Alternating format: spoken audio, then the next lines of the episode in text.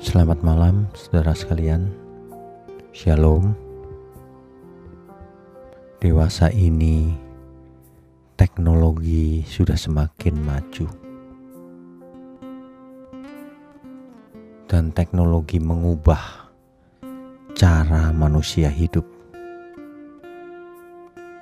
Tetapi sayang, teknologi yang seharusnya sangat menolong atau membantu manusia. Dalam beberapa kasus, malah manusianya yang terikat kepada teknologi tersebut. Contoh yang paling sederhana adalah handphone kita.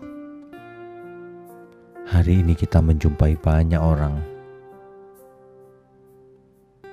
menatap layar handphonenya berjam-jam dalam sehari.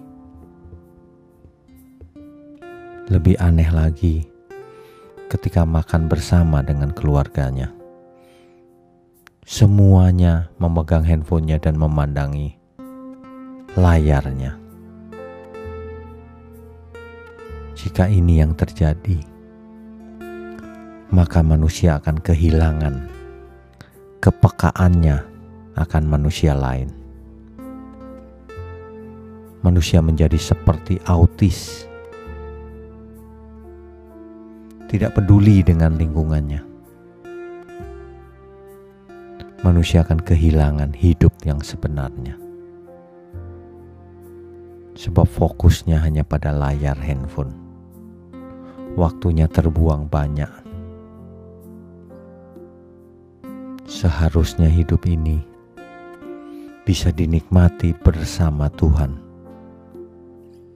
tapi kalau orang terikat sesuatu, maka pikirannya akan terfokuskan ke sana, sehingga tidak dapat menikmati hidup ini bersama Tuhan. Waktu berlalu terus. Mari kita sadar, Bapak Ibu sekalian. Kita harus sadar sesadar-sadarnya, memandang sekeliling kita memandang orang-orang yang kita kasihi. Jangan kita asik bermain handphone sendiri. Mari kita lakukan bagian kita dengan benar, yaitu saling mengasihi, dimulai dari keluarga, kemudian teman-teman, sahabat, dan orang lain. Bapak Ibu sekalian, teknologi adalah tuan yang baik, tuan yang jahat maksud saya. Tapi hamba yang baik. Artinya, kalau kita terikat kepadanya, memujanya, maka kita akan binasa. Tapi kalau kita menggunakannya dengan benar, maka teknologi itu sangat berguna mari kita belajar untuk peka terhadap lingkungan kita. Kiranya kebenaran malam ini menambah wawasan kita agar kita menggunakan teknologi dengan bijak untuk kemuliaan Tuhan.